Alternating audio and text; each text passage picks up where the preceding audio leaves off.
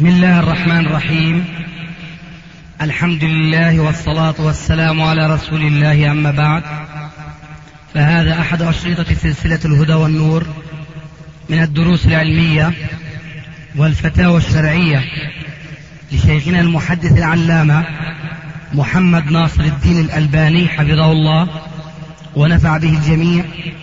قام بتسجيلها والتأليف بينها محمد بن أحمد أبو ليلى الأثري. إخوة الإيمان والآن مع الشريط الثالث بعد المئة الرابعة على واحد تم تسجيل هذه المجالس العلمية في موسم حج 1410 هجري.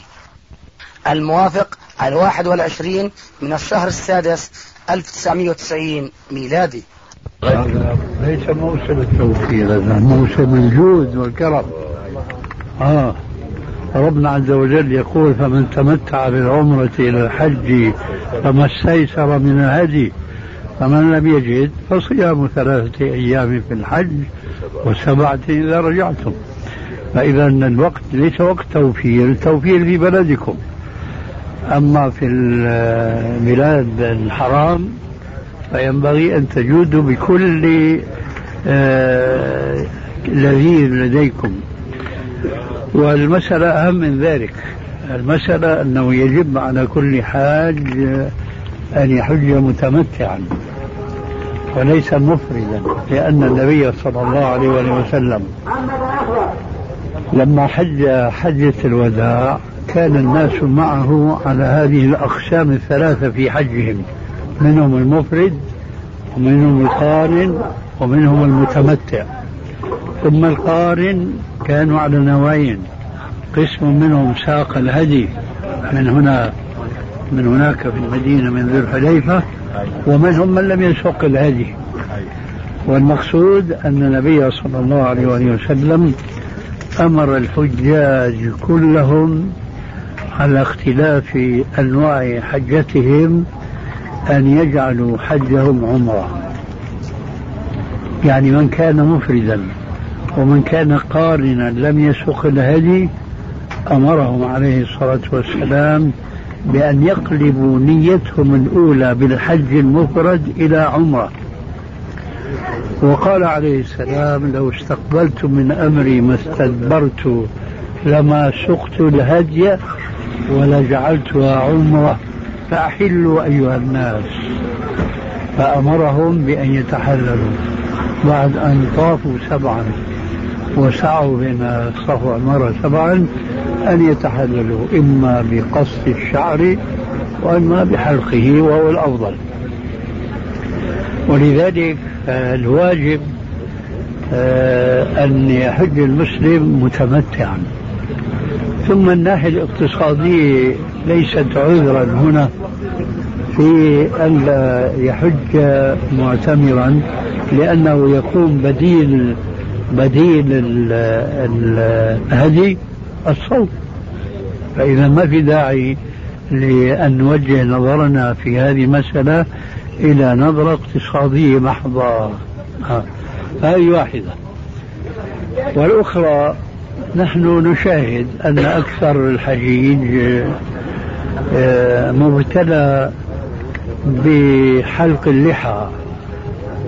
ولعلكم تعلمون أن نبيكم عليه الصلاة والسلام كان له لحية جليلة وعظيمة.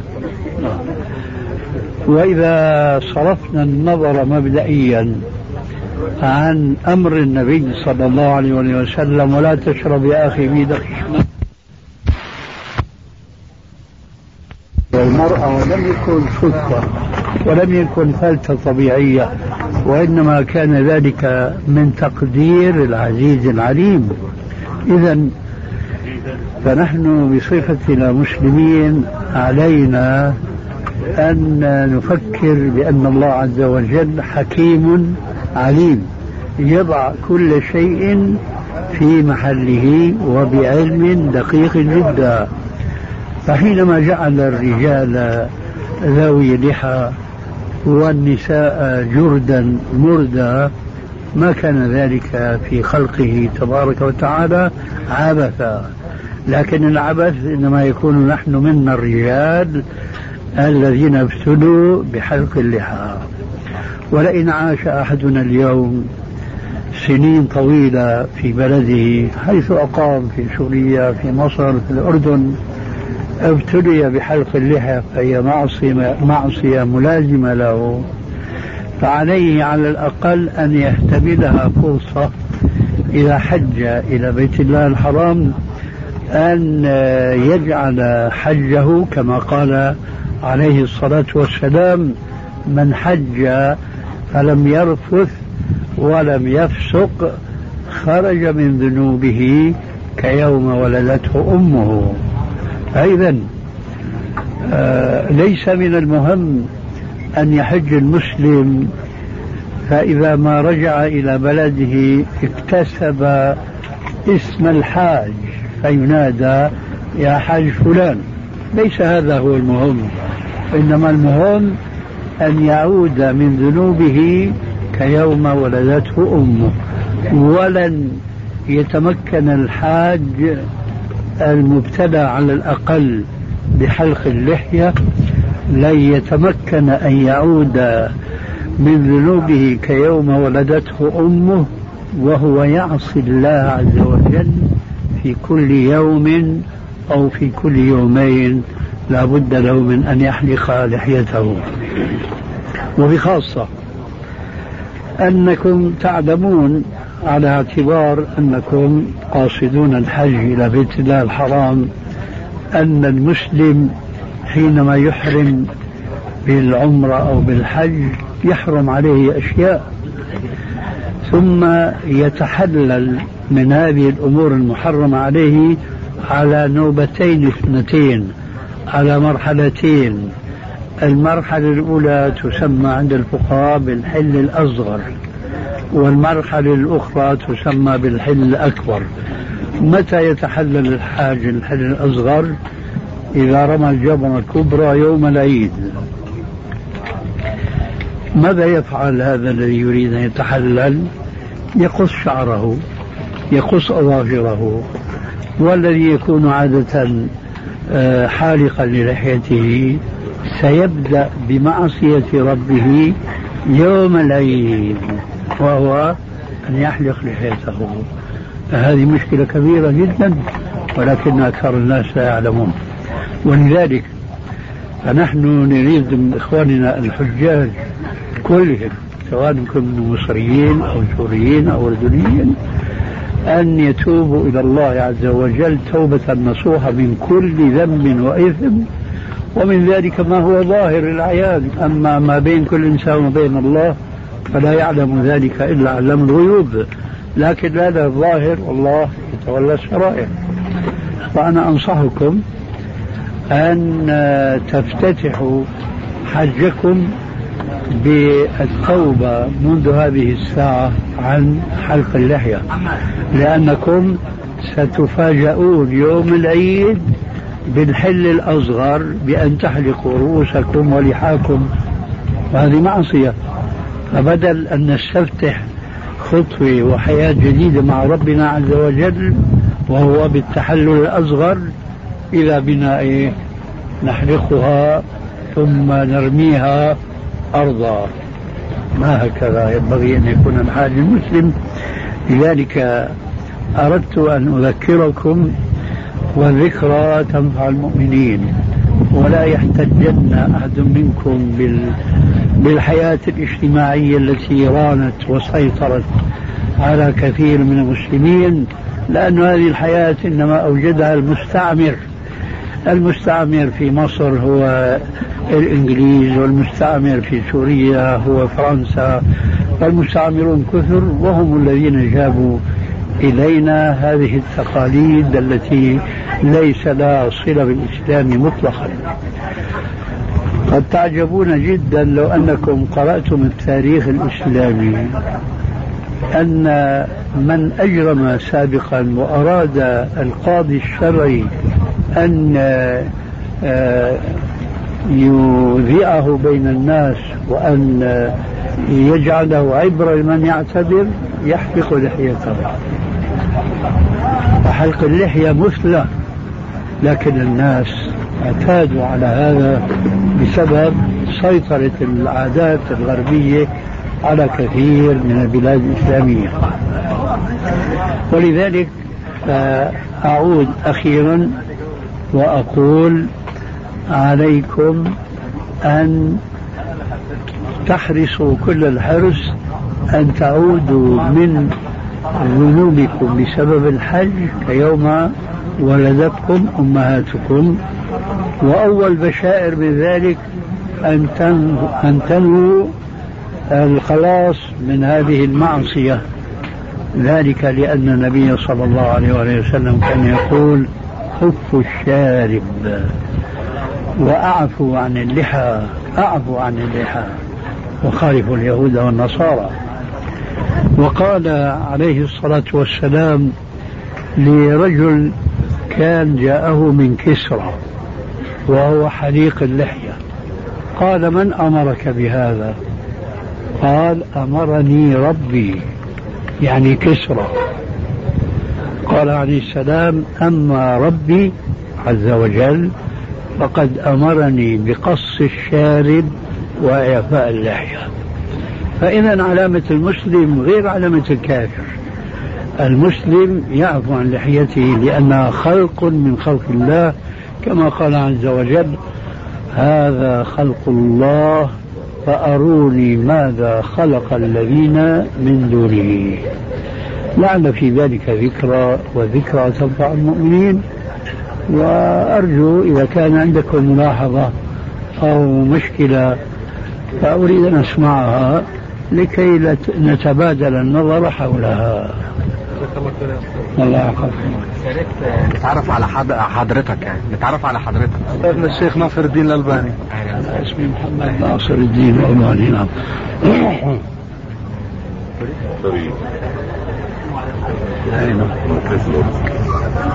سؤال سؤال في موضوع آخر. في يعني بعض أسئلة تتعلق بموضوع الإنهاض. الإنهاض بالنسبة للنساء؟ عمليات الإنهاض بالنسبة للنساء. فهو ممكن يتعلق مثلا هذا الموضوع ممكن يكون بسبب مثلا المرأة لا تريد ال- الولادة مثل أبوها مثل زوجها لا يريد أنها تنجب. أو هو مثلا ممكن من الناحية الصحية أنها قبل كده أجرت عمليتين قيصريتين فهي تخاف لأجل صحتها. أو مثلا أنها تكون تعرضت لأخذ بعض أنواع أدوية. أو مثلا إشعاع مثلا آه، تعمل لها أشعاعات أو كده فالولد غالبا يكون مشوه الطفل يكون عنده تشوهات آه، خلقية كنقص في ذراعه أو مثلا ضعف عقله.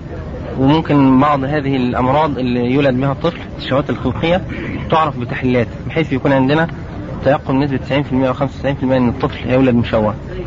فممكن حضرتك تفضل ب يعني أعطانا فكرة هل الإجهاض يجوز في بعض هذه الحالات أو لا يجوز وكيف؟ أولا الإجهاض يختلف حكمه بالنسبة لسن الجنين فيختلف كل الاختلاف بين أن يكون الإجهاض قبل نفخ الروح في الجنين وبين أن يكون الإجهاض بعد نفخ الروح فيه فإذا كان الإجهاض في الحالة الثانية أي بعد نفخ الروح فيه فهذا حرام لا يجوز. اللهم إلا في حالة واحدة وهي أن يخشى على حياة الأم الحامل. وحينئذ تقول القاعدة الفقهية العلمية الإسلامية أن المسلم إذا وقع بين شرين اختار أخفهما وأقلهما شرا.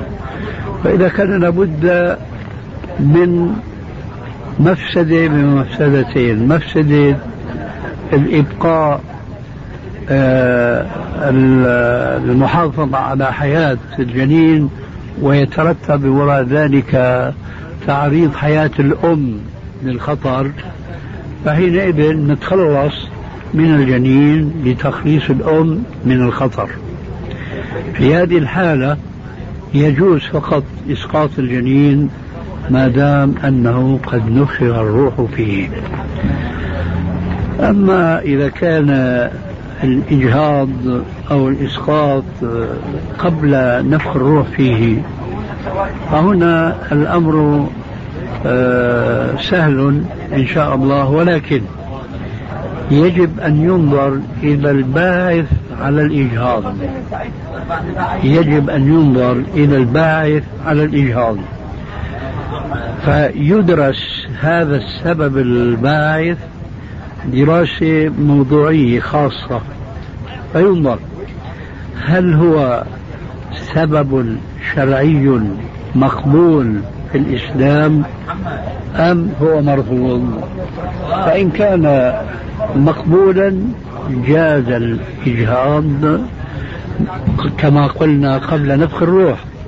وأما إن كان مرفوضا فحينئذ لا يجوز لا لأن الإجهاض لا يجوز وإنما لأنه اقترن معه سبب غير شرعي. وأنا أضرب لكم مثلا واحدا لهذا النوع من السبب وهو إذا قيل للوالد أو الوالدة لماذا هذا الإجهاض والله يعني معاشنا راتبنا قليل.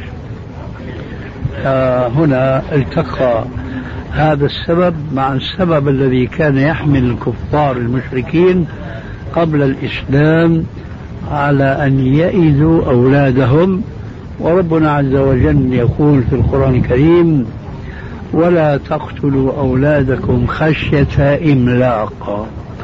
نحن نرزقهم وإياكم. فإذا إذا نظرنا إلى السبب الدافع إلى الإجهاض وكان غير جائز شرعا كهذا بالتالي لا يجوز الإظهار. أما إذا كان السبب جائزا ولندرس الآن الصورة التي أنت عرضتها آنفا وهو أن يكون قد اكتشف الجنين وهو في بطن أمه أنه غير كامل الخلقة. طيب. هنا لابد لي من وقفة. إذا سلمنا جدلا بأن هذا الكشف آه، كشف صحيح وليس كالكشف الصوفي. تعرفون الكشف الصوفي؟ الكشف الصوفي هي عبارة عن خيالات وأوهام لبعض مشايخ الطرق ويوصلهم في كثير من الأحيان إلى تخيلات يخالفون فيها الشريعة. ومن أخطر ما قرأناه في بعض كتب هؤلاء أنهم كانوا يصححون الأحاديث الموضوعة والمكذوب على رسول الله صلى الله عليه وسلم ويقول قائلهم صراحة هذا الحديث وإن كان موضوعا عند علماء الحديث ولكنه قد صح عندنا بطريق الكشف. فإذا كان هذا الكشف الطبي اليوم أشبه ما يكون بالكشف الصوفي قبل اليوم فحينئذ لا قيمة له. وأنا حين أقول هذا الكلام أدري أن الكشف الطبي اليوم ليس كالكشف الصوفي من كل الجوانب والنواحي ولكن أريد أن أقول شيئا بأنه في كثير من الأحيان ليس يقينيا. ولعلك تعرف هذا أحسن مني ولا إيه؟ تعرف أن هذا الكشف ليس يقينيا وكثيرا ما يخطئ الطبيب. نوع من الاشعاعات الكمبيوتر مثلا أو الصوتية وكده بيكون نسبتها عالية. بيكون نسبة إصاباتها ممكن تصل إلى 90% أو 95% لذلك ما دام في أنواع فيجب أن نتأكد من أن هذا الكشف كشف علمي صحيح حين ذاك نقول يجوز. وإلا فنبقى مخالفين لقوله عليه الصلاة والسلام تزوجوا الولود الودود فإني مباهم بكم الأمم يوم القيامة. لأنه بلا شك المبادرة إلى إسقاط الجنين أو إجهاضه ولو قبل نفخ الروح فيه كما قيدنا أخيرا أسوأ ما يعني أقل ما يقال فيه من الشر هو تقليل سواد أمة الرسول عليه السلام وهو يقول فإني مباين بكم الأمم يوم القيامة ولذلك فقد أمر بأن يتزوج المسلم المرأة الولود. لكي يحقق رغبة الرسول عليه السلام بأن يباهي سائر الأمم يوم القيامة. ومما لا شك فيه أن تعاطي أسباب الإجهاض ينافي هذه الرغبة النبوية الكريمة. لعلي أجبتك عن سؤالك ولا بقي شيء؟ يعني في عدة أسئلة أقول لحضرتك يعني لو إن مثلا بعد آه، أربعة أشهر مثلا عمل كشف للمرأة المتبين مثلا الطفل يولد وهو مثلا في تخلف عقلي. ويكون مثلا مشكلة على الوالدين. فكيف يكون هذا ما يجوز. ما يجوز. لأن الله عز وجل كما قلنا آنفا ما خلق شيئا عبثا.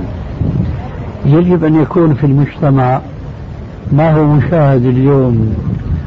إنسان أبيض البشرة أسمر البشرة أسود البشرة طويل قصير كامل ناقص إلى آخره لأنه قديما قيل وبضدها تتبين الأشياء ولذلك فالناس العقلاء كما يقال اليوم العقلاء هل هم في نسبة واحدة في العقل؟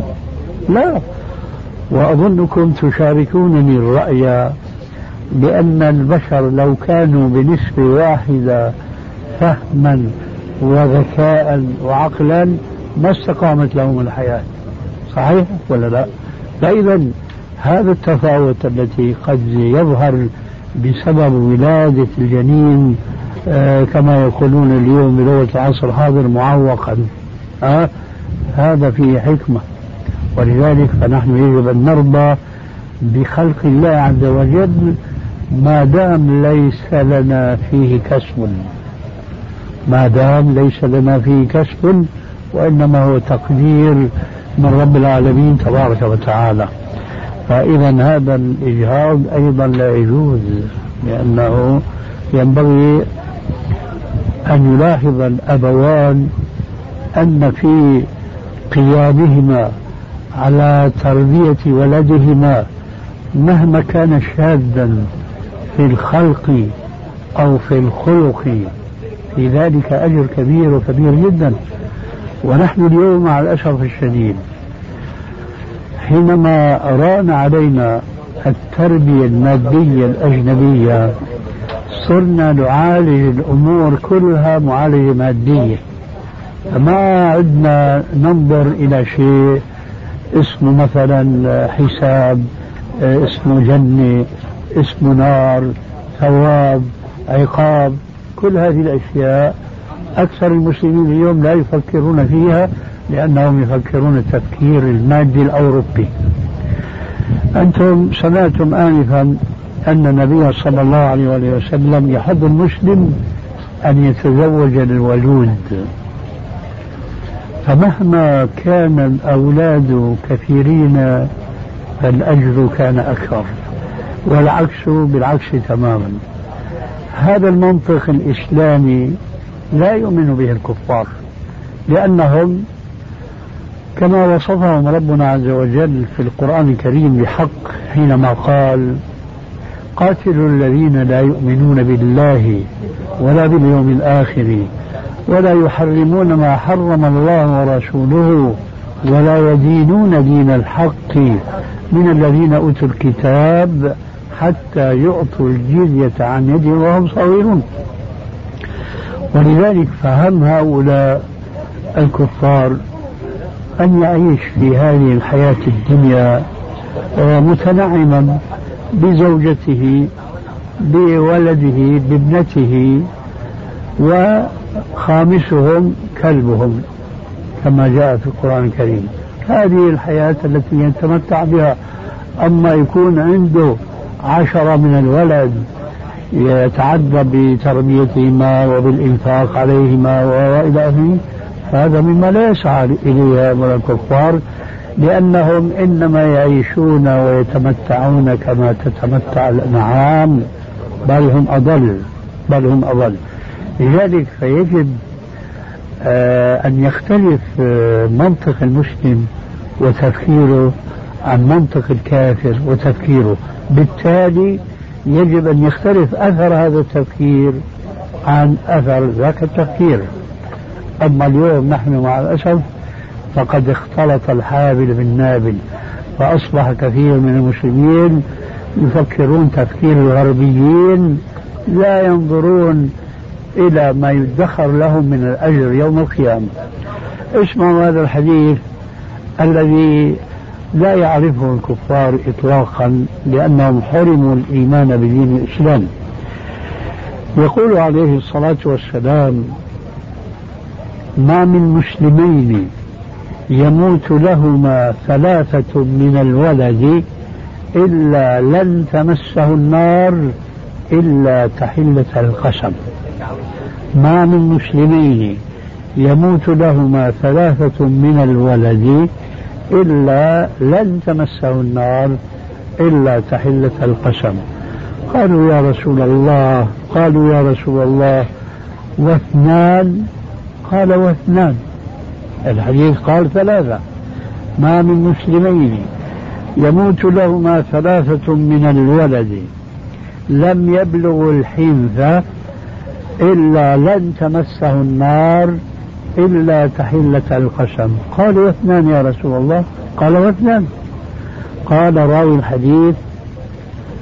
حتى ظننا أننا لو قلنا وواحد لقال وواحد. إيش معنى الحديث؟ قوله لم يبلغ الحنث يعني سن التكليف. قوله إلا تحلة القسم إشارة إلى قوله تعالى في القرآن الكريم وإن منكم إلا واردها كان على ربك حتما مقضيا. ثم ننجي الذين اتقوا ونذر الظالمين فيها جثيا. فهذا قسم من رب العالمين أنه لا يبقى بر ولا فاجر من الثقلين الإنس والجد إلا وهو داخلها. لكن هذا الدخول في نهايته ينقسم إلى قسمين. إما أن يظل فيها معذبا إلى ما شاء الله وإما أن يمر مر الكرام. يرى الناس الكفار والفساق يعذبون وهو كأنه في حصن حصين. لا تمسه النار بسوء. وقد جاء في حديث في مستدرك الحاكم بإسناد على طريقة علماء الحديث فيه ضعف لكن معناه صحيح على ضوء هذا الحديث الصحيح وهو الحديث الأول ما من مسلمين فهو في صحيح البخاري ومسلم. أما الذي في مستدرك الحاكم فيقول بأن رجلا من التابعين كان في مجلس تحدثوا فيه عن هذه الآية الكريمة.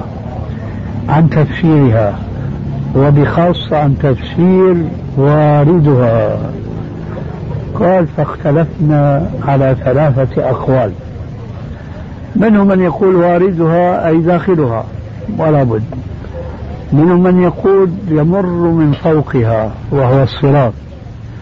ومنهم من يقول واردها يعني بطرفها كما يقال أورد الناقة. كذا. فالإيراد هنا ليس معنى الولود الدخول وإنما من الحافة والطرف ثلاثة أقوال. اختلفوا ثم لم يأتهم أحد بالقول الفصل. لأنه ربنا عز وجل يقول في القرآن الكريم ولو كان من عند من عند غير الله لوجدوا فيه اختلافا كثيرا. فأي مسألة فيها أقوال كثيرة هي مسألة واحدة فيجب أن يعتقد المسلم أن هذا الاختلاف ليس من الله وإنما هو من عباد الله من العلماء من المشايخ إلى آخره. فحينما اختلفوا هنا على أقوال ثلاثة وانفصلوا على هذا الخلاف أحد هؤلاء الذين كانوا في الجلسة حينما خرج منها لقي جابر بن جابر بن عبد الله الأنصاري رضي الله عنهما لأن أبوه استشهد في أحد. فذكر له الخلاف الذي جرى في المجلس حول قوله تعالى وإن منكم إلا واردها. كأنه يقول له ما عندك يا جابر؟ فما كان منه إلا أن رفع إصبعيه ووضعهما في أذنيه وقال صمتا إن لم أكن سمعت رسول الله صلى الله عليه وآله وسلم يقول لا يبقى بر ولا فاجر إلا ويدخلها تكون بردا وسلاما على المؤمنين كما كانت على إبراهيم. فإذا معنى قولي عن السلام في الحديث السابق إلا تحلة القسم أن هذين الزوجين اللذين مات لهما ثلاثة من الولد بل اثنان لم يبلغ الحنثة واحتسب أجرهما عند الله لا يدخلون النار إلا بمقدار تنفيذ القسم الإلهي. هذا المرور الذي لا تمسهم النار بعذاب. بهذا المعنى الكفار ما يعرفونه ولذلك ما يهتمون بتربية الأولاد تربيتهم من الناحية الأخلاقية ومن الناحية الدينية لأنه لا دين له مفاقد الشيء لا يعطيه. المسلم لا يجوز له حينئذ أن يعيش كما يعيش هؤلاء الكفار. ومن حياتهم تقليل النسل وهذا خلاف النهج الإسلامي لأنه يأمر بتكثير النسل والصبر على تربية الأولاد. لذلك قلت آنفا يجب أن تكون ثمرة المسلمين في حياتهم غير ثمرة الكفار في حياتهم. فهذا النظام في الإجهاض والإسقاط الذي آه تلقيناه من الغربيين يجب أن ندخل فيه تعديلا يتوافق مع الأحكام الإسلامية. وأن لا نأخذها كما تأتينا من الغرب لأن ما يلبسه الغربي الكافر لا يصلح للمسلم الشرقي. وهذا مثال في الماديات ولا شك أن المعنويات وعليكم السلام ورحمة الله أهم وأهم بكثير. أظن انتهى الجواب عن سؤالك إن شاء الله. يعني لا يجوز يا مولانا. نعم. يعني لا يجوز على أي سبب؟ ما يجوز. على التفصيل السابق. إما إما أن يكون بعد نفخ الروح فهذا حرام قولا واحدا. وإما أن يكون قبل نفخ الروح فلا بد فيه من التفصيل وهو النظر إلى الباعث. فإذا كان الباعث هو خشية إملاق لا يجوز كما ذكرنا. أما إذا كان خوف على الأم مثلا لسبب هنا في أسباب كثيرة يعرف الأطباء هذا يجوز لأنه قبل الإيش؟ قبل نفخ الروح. أما بعد نفخ الروح فلا يجوز لأنه بنسبة قتل نفس حية. لذلك جاء تسمية العزل بالموؤود الصورة في بعض الأحاديث أي نعم يعني مثلا في حديث ابن مسعود إن هو إن أحدكم خلقه في بطن أمي 40 يوما إن هو فيه النفخ الروح يكون بعد أربعة أشهر. نعم. فهو الاطباء يعني يقولون إن أصلا الطفل بعد ست أسابيع مثلا قلبه ينبض وإن هو يبدأ يتحرك. يجب أن نعلم بأن النظرة الطبية. ولنقلها بعبارة عن النظرة العلمية. قد تختلف عن النظرة الشرعية. وأنا لا أريد من هذه الكلمة أن أقول بأن العلم يتناقض مع الشرع. لكني أريد أن أقول إن العلم قاصر وسيظل قاصرا. ولعلكم تعلمون بأن الأوروبيين أنفسهم مع الأسف يشهدون شهادة حق بينما كثير من المسلمين بعد يجهلونها هم يقولون أو بعضهم على الأقل يقول كلما ازددنا علما ازددنا معرفة بجهلنا لعلكم سمعتم مثل هذه الكلمة. لكن الشرع الشرع هو تنزيل من حكيم عليم. فهو لا تخفى عليه خافية في الأرض ولا في السماء. ولذلك فالشرع علمه أوسع من العلم التجربي هذا. فالعلم التجربي له حدود يقف عندها. الآن تقول بأن الطب يقول بأن الحياة تدب الجنين الأسبوع الثالث قلت؟ ها؟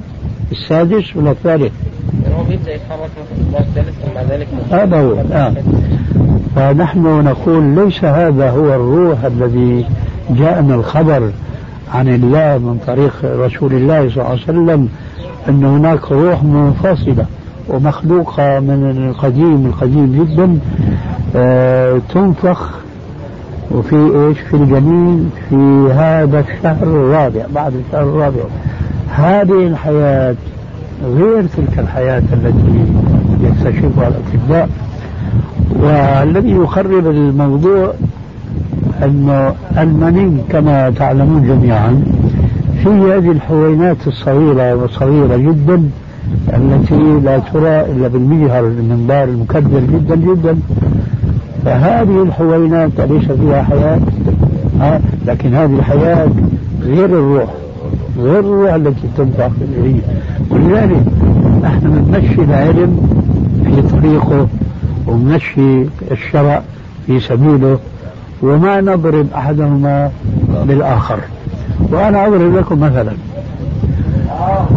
آه، من المعلوم من الناحية الفلكية الجغرافية أن هذه الشمس لا تغيب عن الكرة الأرضية. أليس كذلك؟ طيب. لكن طلوعها وغروبها أمر نسبي بالنسبة للبلاد الموجودة على وجه الكرة الأرضية. آه، من ذلك مثلا حينما نرى الشمس تطلع من المشرق نقول نحن في عرفنا ماذا أسمي هذا العرف؟ العرف البشري العام. بنقول طلعت الشمس والشرع أيضا يقول آه، آه، في تحديد وقت صلاة الفجر حتى تطلع الشمس. ويقول عليه السلام من أدرك ركعة من صلاة الفجر قبل أن تطلع الشمس فقد أدرك. ومن أدرك ركعة من صلاة العصر قبل أن تغرب الشمس فقد أدرك. هذا الشرع وهذا هو المرئي. لكن العلم يقول حينما نرى الشمس على قمة الجبل هي في الحقيقة لا تزال وراء الجبل. وإنما انعكاسات الأشعة هي التي أظهرتها لعيننا. إذا نستطيع أن نقول الآن لما طلعت الشمس طلعت بالنسبة للرؤية العامة البشرية.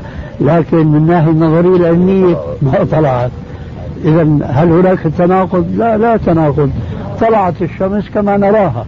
ما طلعت الشمس كما يرى العلم الدقيق.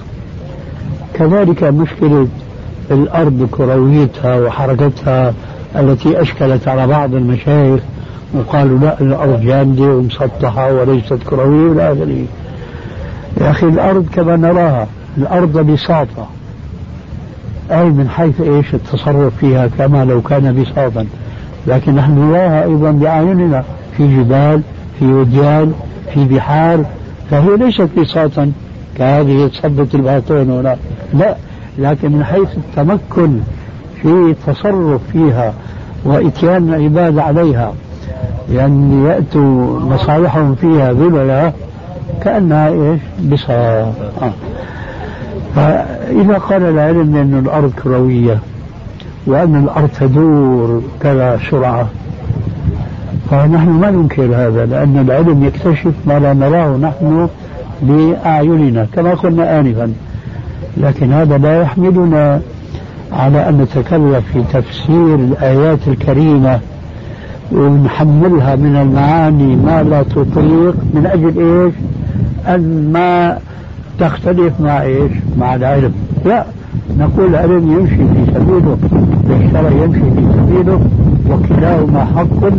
فحينما قال تعالى بالنسبة لقصة أهل الكهف وترى الشمس إذا طلعت تزاور عن كافهم ذات اليمين وذات الشمال إذا طلعت أي بالنسبة لرؤية العين ما بهمنا بعد ذلك أن يقول العلم والله الآن ما طلعت الشمس بعد لأن الأشعة هي التي رفعتها.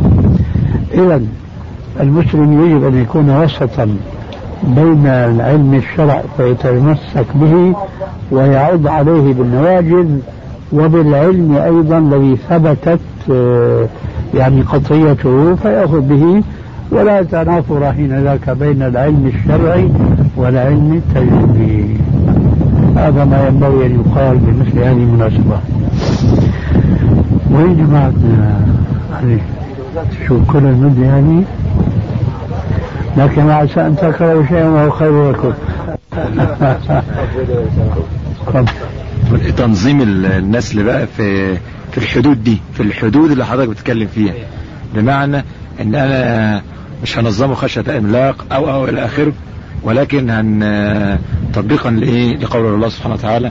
والولادات يرضعن يرضعن أولادهن حوالين كاملين من اراد إن يتم الرضاعه مصدقا لقول الرسول صلى الله عليه وسلم إياكم والغيلة فيما معنى الحديث يعني؟ وقيل يعني أو ما معناه أن الغيلة هي أن تحمل المرأة وهي ترضع آه، رضيعة. فيبقى عندنا آه، سنتين ممكن أن الرجل أن يعزل آه، عن امرأته في وقت الخصوبة كي لا ينجب منها. وسنة تقريبا للرضاعة يبقى ثلاث سنوات.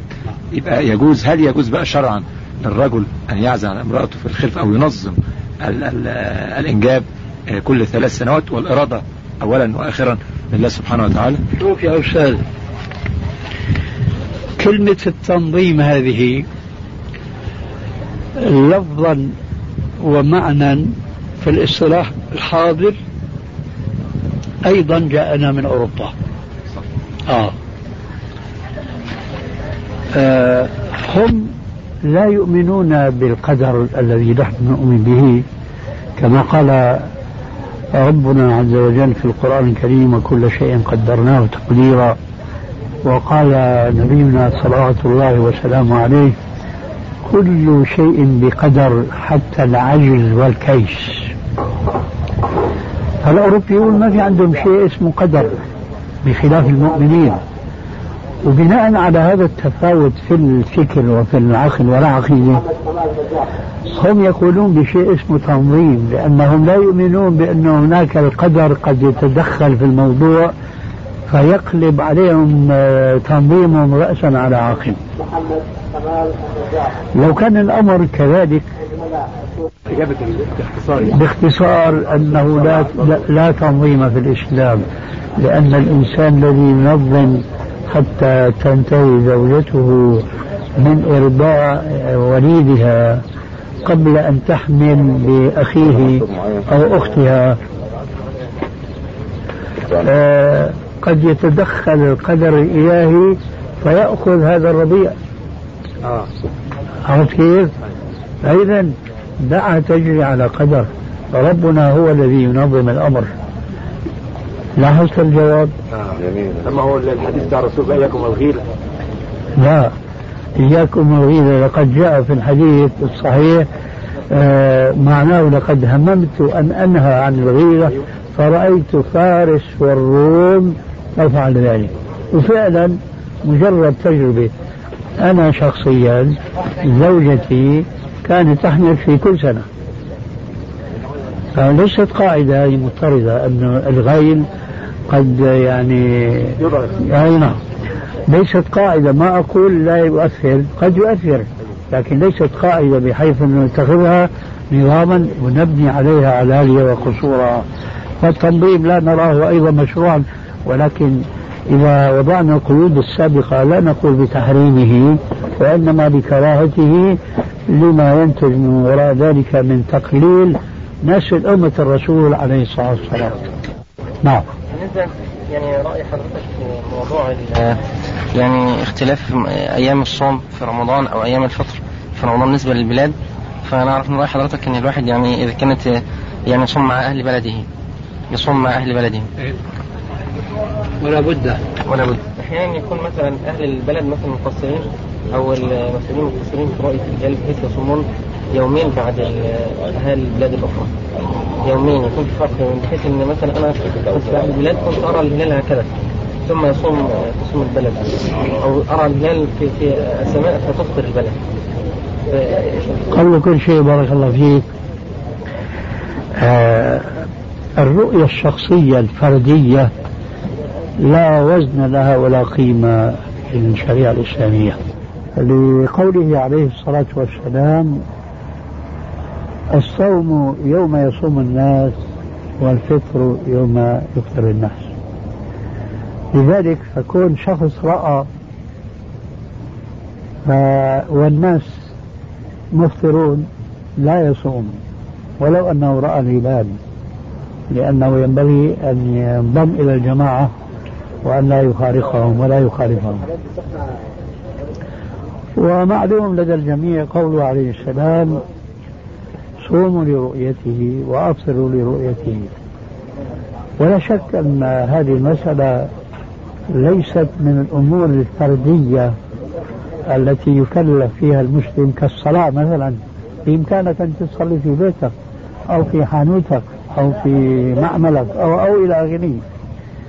لكن ليس لك وعليكم السلام ورحمة الله وعليكم السلام.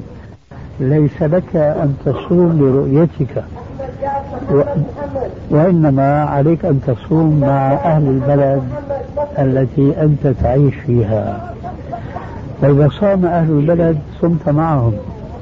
إذا أفطروا أفطرت معهم. قوله عليه السلام صوموا لرؤيته. هذا بلا شك خطاب عام لجميع المسلمين. لكن مع الأسف الشديد اليوم الحكومات الإسلامية آه، أكثرها اسم بغير اسم لا حقيقة لها لأنها لا تحكم بما أنزل الله. ومن الأدلة على ذلك أن كل دولة بتصوم لوحدها ما في ارتباط ويصيحون ويزعقون بالوحدة والوحدة وهم غير صادقين فيما يقولون. لأنه أبسط شيء كان بإمكانهم يوحدوا الأعياد. والدخول في شهر الصيام والخروج منه. لكنهم لا يفعلون. وحينئذ ما دام ليس بإمكان الشعوب الإسلامية أن تتوحد في الصيام وفي الإفطار بسبب اختلاف الحكومات حينئذ فكل دولة أو كل شعب ينبغي أن يصوم لرؤية هلاله أما أن ينقسم أهل البلد الواحد إلى قسمين يكفينا انقسمنا إلى دويلات. فما يبقى علينا غير أنه كل بلدة كمان نجعلها قسمين. وهذا واقع مع الأسف. فناس يصومون مع السعودية وناس يصومون مع مثلا سوريا وإلى آخره. هذا ما ينبغي أن يكون. كما قلنا آنفا في بعض الأجوبة السابقة أن المسلم إذا وقع بين شرين اختار أقلهما شرا فالآن أن يصوم أهل البلد لوحدهم خير من أن ينقسموا بعضهم على بعض. هذا هذا أشر إذا صح التعبير لغة. لكن الأفضل أن يصوم هذا البلد مع ذاك البلد. هذه الدولة مع تلك الدولة ويصبح العالم الإسلامي كله في صيام أو كله في عيد. لكن هذا غير ممكن. نأسف في ذلك كل الأسف لكن لا يكلف الله نفسا إلا وسعها. آه، أهل البلد الواحد باستطاعتهم أن الدولة إذا أعلنت الصيام يوم كذا صام الشعب كله ولو كان هذا الإعلان غير شرعي.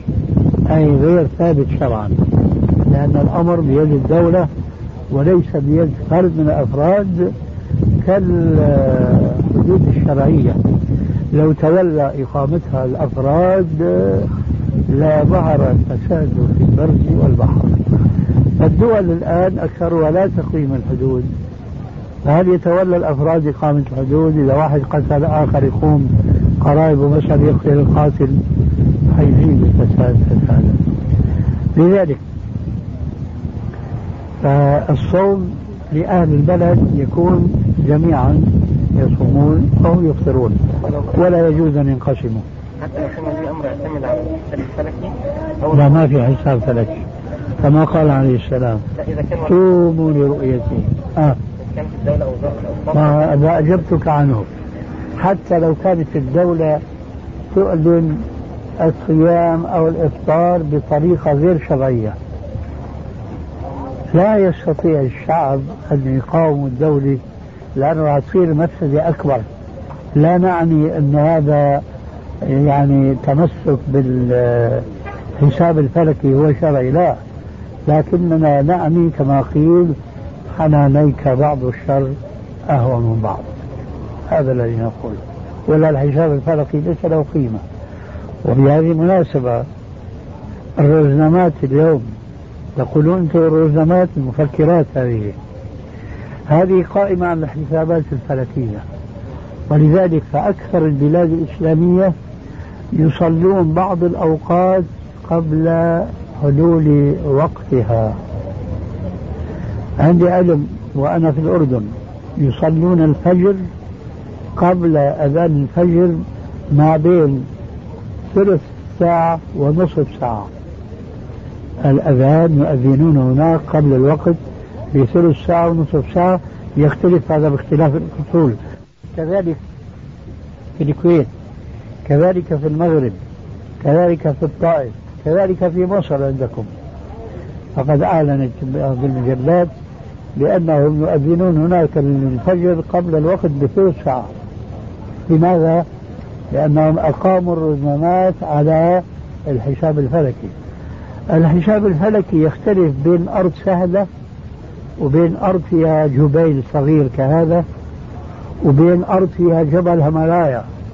ولا تطلع الشمس لكن هم أعطوا الحساب على حساب تقدير البحري. ما أقاموا لهذه الجبال كلها حسابا. هذا خطأ. لذلك فعلى المسلمين أن يعيدوا حساباتهم فيما يتعلق بالكثير من الأحكام منها التوقيت والصلوات الخمس وهكذا.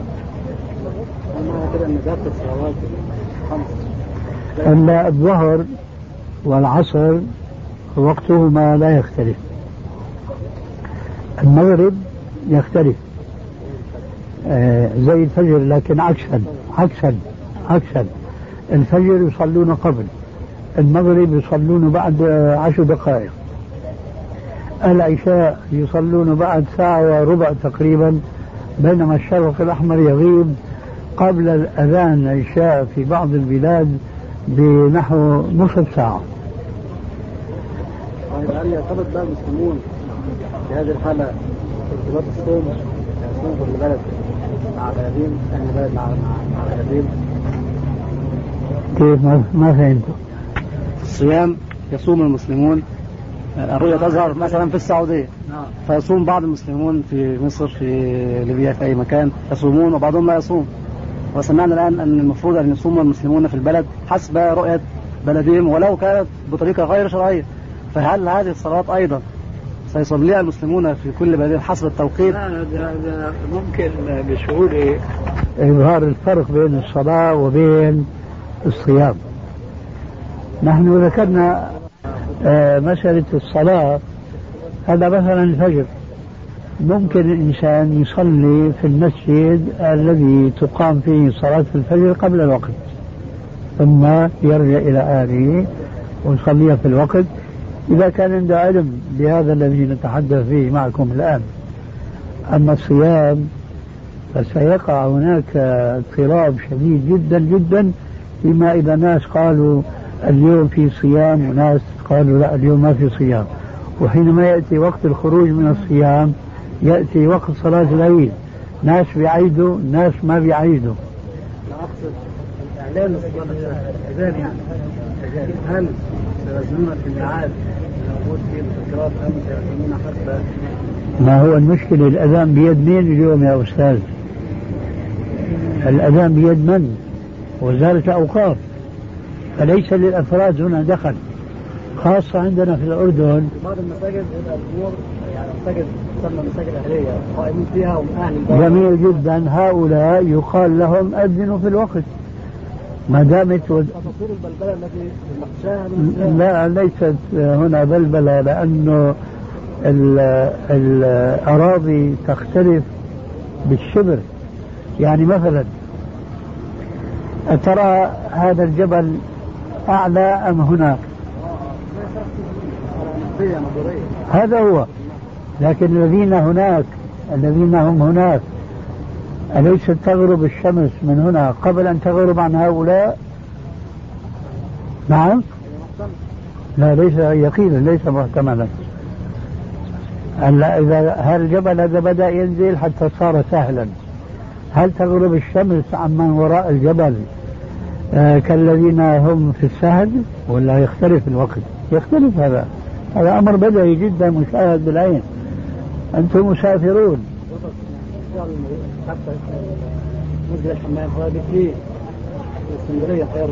كيف؟ اسكندريه خير رمل ما فهمت الكلمة الأولى اللي قلتها رحنا اسكندريه مره لا حي الرمل منطقة منطقة الرمل. منطقة الرمل هي المساجد كثيرة بجوار بعضها. نعم. يعني يكاد كل يعني 10 أقدام 10 أمتار يكون في مسجد. يعني البعض سيؤذن على المفكرة والبعض الآخر سيؤذن حسب الوقت. وهذا ما أتكلم عنه. هو الآن المؤذنون اللي على المفكرات كلهم يختلفون فيما بينهم. هو كذا. وهم على المفكرات كيف على يعني يكون دقيق هذا. شو الحل يعني في وجهة نظرك أنت؟ ما هو الحل؟ أنا وجهة نظري هل يعني نطبق القاعدة اللي هي بتاعت الصيام؟ بد ولا بد من ذلك. لكن المشكلة يا أخي أنا أشرح لك أشرح لك من زاوية أخرى. المؤذنون اليوم بل الأئمة ليسوا أئمة ولا مؤذنين إنما هم موظفون. صح ولا لا؟ آه. فالمشكلة من هنا تبدأ. فلو كان عندنا مؤذنون بمعنى الكلمة يراعون الأوقات ويعرفون. مثلا الآن نحن مسافرون. ما ندري متى يصبح يدخل وقت الظهر ومتى يدخل وقت العصر. لكن الذي آه، يكون متفقيا في الأحكام الشرعية سهل عليه جدا أن يعرف. وعليكم السلام. والمفروض في المؤذنين وأئمة المساجد أن يكونوا متفقهين في الشريعة. فأنت لما ضربت المثال السابق ما بين كل مسجد ومسجد كذا متر أولا هذا يجوز في الإسلام. ها؟ هي أول مخالفة. طيب. ثانيا هؤلاء الذين يؤذنون في هذه المساجد هل هم عارفون بأحكام الشرع؟ بخاصة فيما يتعلق بالأذان وما يتعلق بالإمامة. لا هم موظفون كهؤلاء الموظفين الآخرين في الدولة. المشكلة متعددة الجوانب.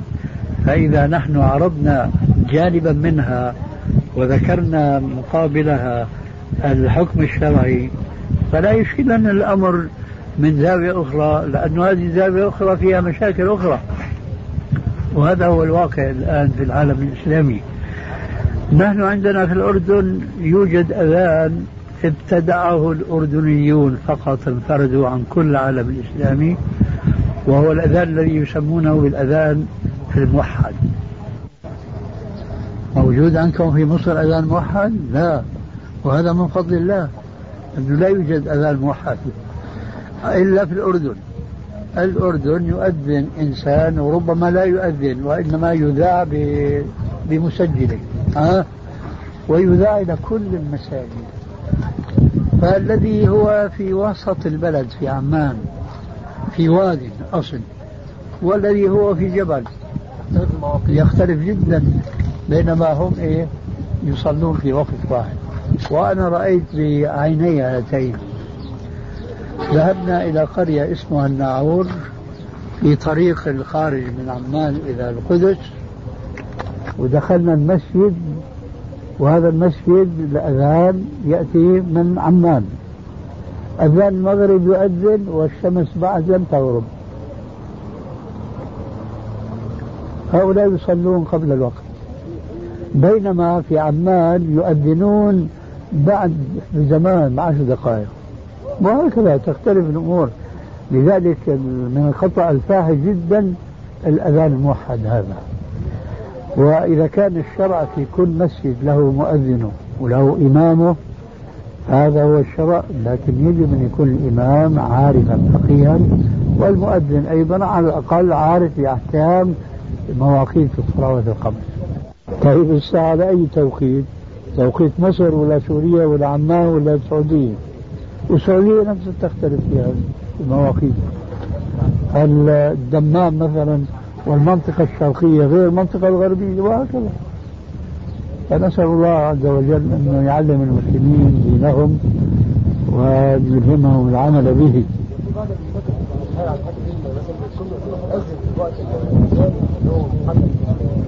روزنامة آه. يعني وقت طول الوقت يعني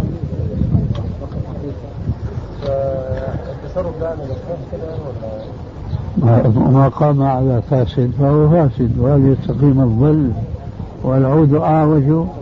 المفكرات يجب أن لا تستعمل يجب أن تستعمل الأحكام الشرعية.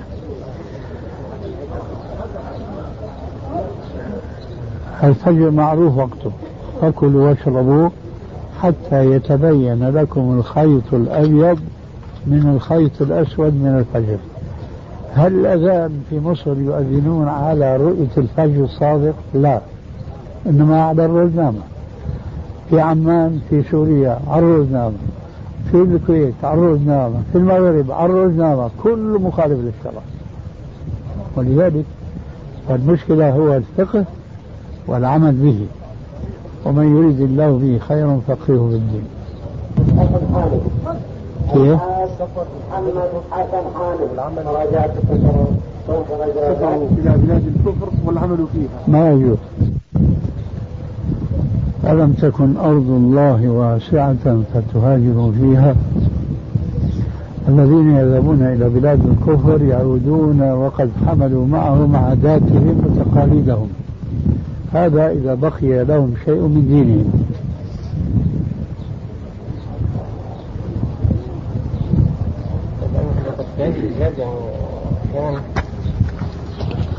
هذه البلاد أو سواء كانت بلاد الكفر أو بلاد مثلا إسلامية ولكن يعني أو بلاد يعني أهلها مسلمون فأحيانا مثلا آه، يعملون هناك مركز إسلامي في مثلا في فيلا كبيرة أو كذا. ويكون مثلا فيها صلاة الجماعة ويكون فيها الجمعة وهي فيلا مثلا مستأجرة أو كذا. فهل هذا يجوز أن إقامة الجمعة في فيلا مستأجرة أو شيء؟ طبعا يجوز. لأن الشروط التي جاء ذكرها في كثير من كتب الفقه قديما وحديثا هي أحسن أحوالها أنها قيلت باجتهادات لبعض الأئمة والاجتهاد معرض للصواب وللخطأ. ومن أجل مثل هذه الأحكام التي صدرت من أصحابها اجتهادا وليس اعتمادا على نص قال علماء الفقه الأحكام تتغير تتغير بتغير الزمان والمكان. أما الأحكام التي نص عليها في الكتاب أو في السنة فهذه لا يجوز أن تتغير أو أن تتبدل مهما تغيرت الأزمان والأماكن. ونحن لا نجد في كتاب الله بل ولا في سنة رسول الله صلى الله عليه وسلم التي هي بيان للقرآن الكريم كما هو معلوم لا نجد شرطا لصحة صلاة الجمعة إلا الجماعة. وكلنا آه، يقرأ ويسمع قوله تعالى يا أيها الذين آمنوا إذا نودي للصلاة من يوم الجمعة فاسعوا إلى ذكر الله وذروا البيع. إلى آخر الآية. فهذه الدار أو هذه الفيلا كما قلت استؤجرت أو اشتريت يعني رأيت أنا فعلا في بريطانيا. كثير من البلاد كثير من الدور استؤجرت لصلاة الجمعة والجماعة بل رأيت في بعضها كنيسة ضخمة اشتراها المسلمون وحولوها مسجدا. آه. فما دام إنه هذه الدار أو هذه الفيلا يؤذن لها لصلاة الجمعة أو الجماعة فعلى كل مسلم أن يستجيب لنادي الله تبارك وتعالى وأن يحضر صلاة الجمعة. وهنا ينكشف لي أهمية الفقه القائم على الكتاب والسنة ومزيته على الفقه التقليدي المذهبي الجامد فقد رأيت في بريطانيا جاليات إسلامية مختلفة. باكستانيين وهنود وعرب وأتراك كلهم ذهبوا إلى تلك البلاد مع الأسف بكشف القوت. لكن مع ذلك فهم حريصون على أن يتمسكوا بدينهم فاشتروا الدور وحولوها إلى مصليات وإلى مساجد. في المسجد الحنفي عفوا. معلش في المسجد الحنفي أو في المسجد الذي يصلي فيه الأحناف لا تصح الصلاة فيه إلا بإذن الحاكم المسلم. إلا بإذن الحاكم المسلم. وإذن الحاكم المسلم في بريطانيا ما في حاكم مسلم. لكن هؤلاء المسلمون شعروا بضرورة اجتماعهم على الصلاة. وفي بلاد الكفر يحكمها الكفار. قلنا سبحان الله هذه آية من آيات الله.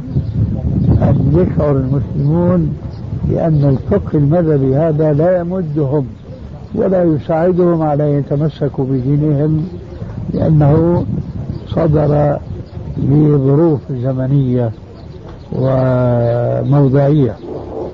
فكنا نرى هؤلاء الأحناف يصلون صلاة الجمعة في هذه البيوت التي سجروها من الكفار فنحمد الله أنه لا يوجد في الكتاب ولا في السنة ما يمنع من إقامة صلاة الجمعة فضلا عن صلاة الجمعة في شيء من هذه البيوت المستأجرة أو التي اشتريت من أصحابها من الكفار.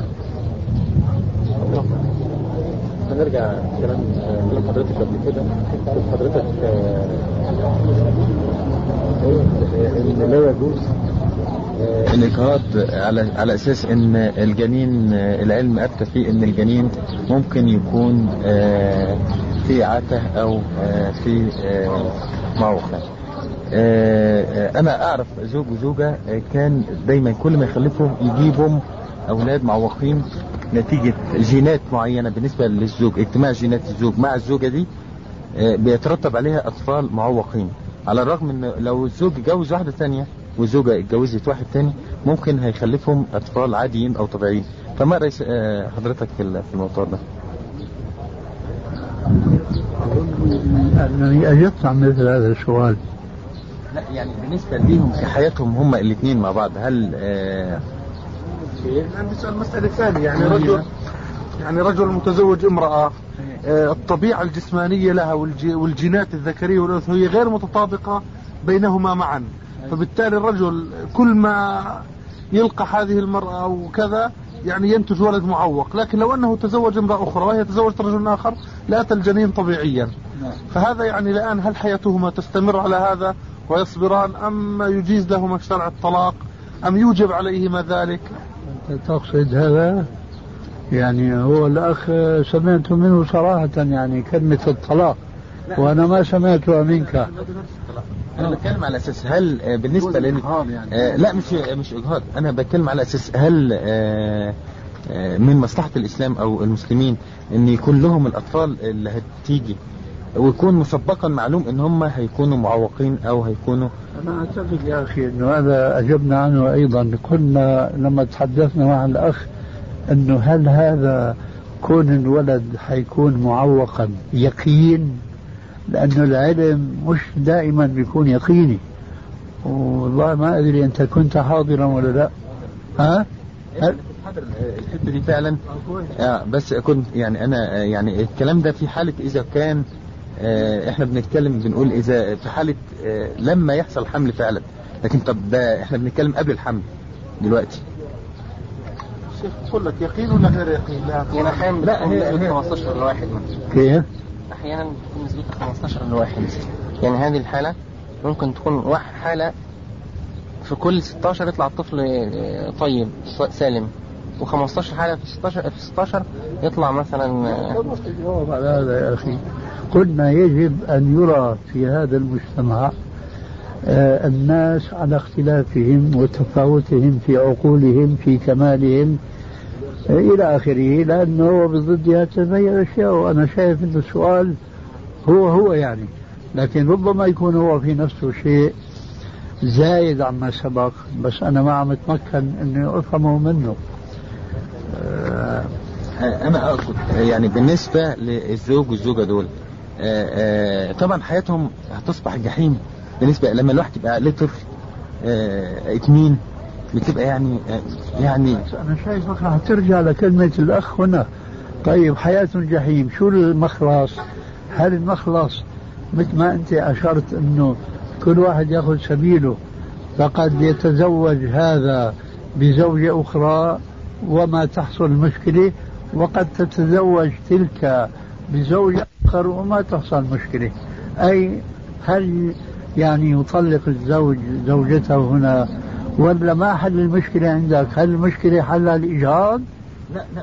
ها؟ ما بتكلمش على الإجهاض فإذا ما هو السؤال. أنا أنا بتكلم هل يعني آه، من الأفضل من الافضل إن الزوج يسيب زوجته عشان ما ي- ما يخلفش يعني آه، الرسول عليه الصلاة والسلام بيقول آه، تكاثروا تناسلوا فإني اباهي بكم الأمم فالرسول عليه الصلاة والسلام بيباهي آه، بين الأمم اللي هو يعني على أساس إن إحنا ناس آه، هنبقى آه، كاملة يعني. آه يعني ف آه، هل من مصلحة الإسلام إن يجي له أولاد معوقين أو معتوهين أو متخلفين عقليا؟ لا ليس هو الإسلام لكن ما الحل هل هو الإجهاض لأنك أنت تبحث. إذا يعني أنا أعطيتها الجواب ليس من مصلحة الإسلام. فما هو الحل؟ هل من الأفضل إن الزوج يشوف واحدة تانية ويطلعها ويشوف واحدة تانية؟ لا لا الأفضل لو كان عنده زوجة يعني تأتي له بأولاد كاملين أنه يشوف زوجة ثانية مش أنه عنده زوجة بتجيب له أولاد معوقين. لو كان عنده زوجة بتجيب له أولاد كاملين. فأن تتزوج واحد يتزوج واحدة ثانية عليها هذا أفضل له. فما بالك في الحالة التي أنت تسأل عنها. أخذت الجواب بعد ولا لا؟ له له أن يتزوج عليها. لكن قل لي الآن. نحن نعالج الموضوع معالجات جزئية. هذه الزوجة الأولى التي تأتي بأولاد معوقين على ذمة السائل كما أنت تقول يعني. هل يحتفظ بها؟ ويأتي بالأخرى. وهل يكون ولا حياء في الدين كما يقال جماعة للثانية كجماعه للأولى أم يكون جماعة للأولى مجامعته لها؟ أقل بكثير. إيش رأيك؟ كيف يمنع الحمل يعني يعني كيف يمنع الحمل لو هياتي منه؟ لأن الحقيقة هو بعد. هو هو يقصد هذا. ولا يقصد لا الفراق ولا يقصد كيف الحل بيقول لا. الرجل هذا إذا تزوج بأخرى سيكون اتصاله معها أكثر من الأولى أليس كذلك؟ طيب. وفي هذه الحالة ألا يجوز أن يلحق شيء من الإجحاف الظلم؟ إذا ما الحل؟ رجعنا حيث بدأنا هذا هو يعني نعم. انفصال. انفصال.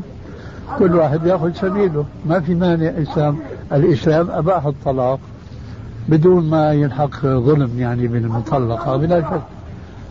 اذا ما حصل وفاق لسبب أو آخر. والأسباب كثيرة جدا. اختلاف مثلا الأخلاق والأطباع.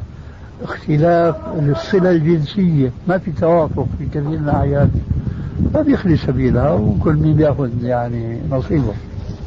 المهم الإجهاض. بعد نفخ الروح هذا لا يجوز. معليش معليش اكمل كلامي. لا يجوز إلا إذا تعرضت الأم الحية للموت. أما الإجهاض قبل نفخ الروح فهذا يجوز إذا كان السبب المسوغ له جائز شرعا. وهذا كل سبب يجب أن يدرس لوحده. آه وين ابو عبد الله؟ ما شاء الله. الرجال يجوز انها تأمهم يعني؟ ما فيش راجل ما بينهم يعني. امرأة أم الرجال؟ تأم النساء. أم النساء؟ كيف لا؟ السيدة عائشة كانت أم النساء. شافت يلا.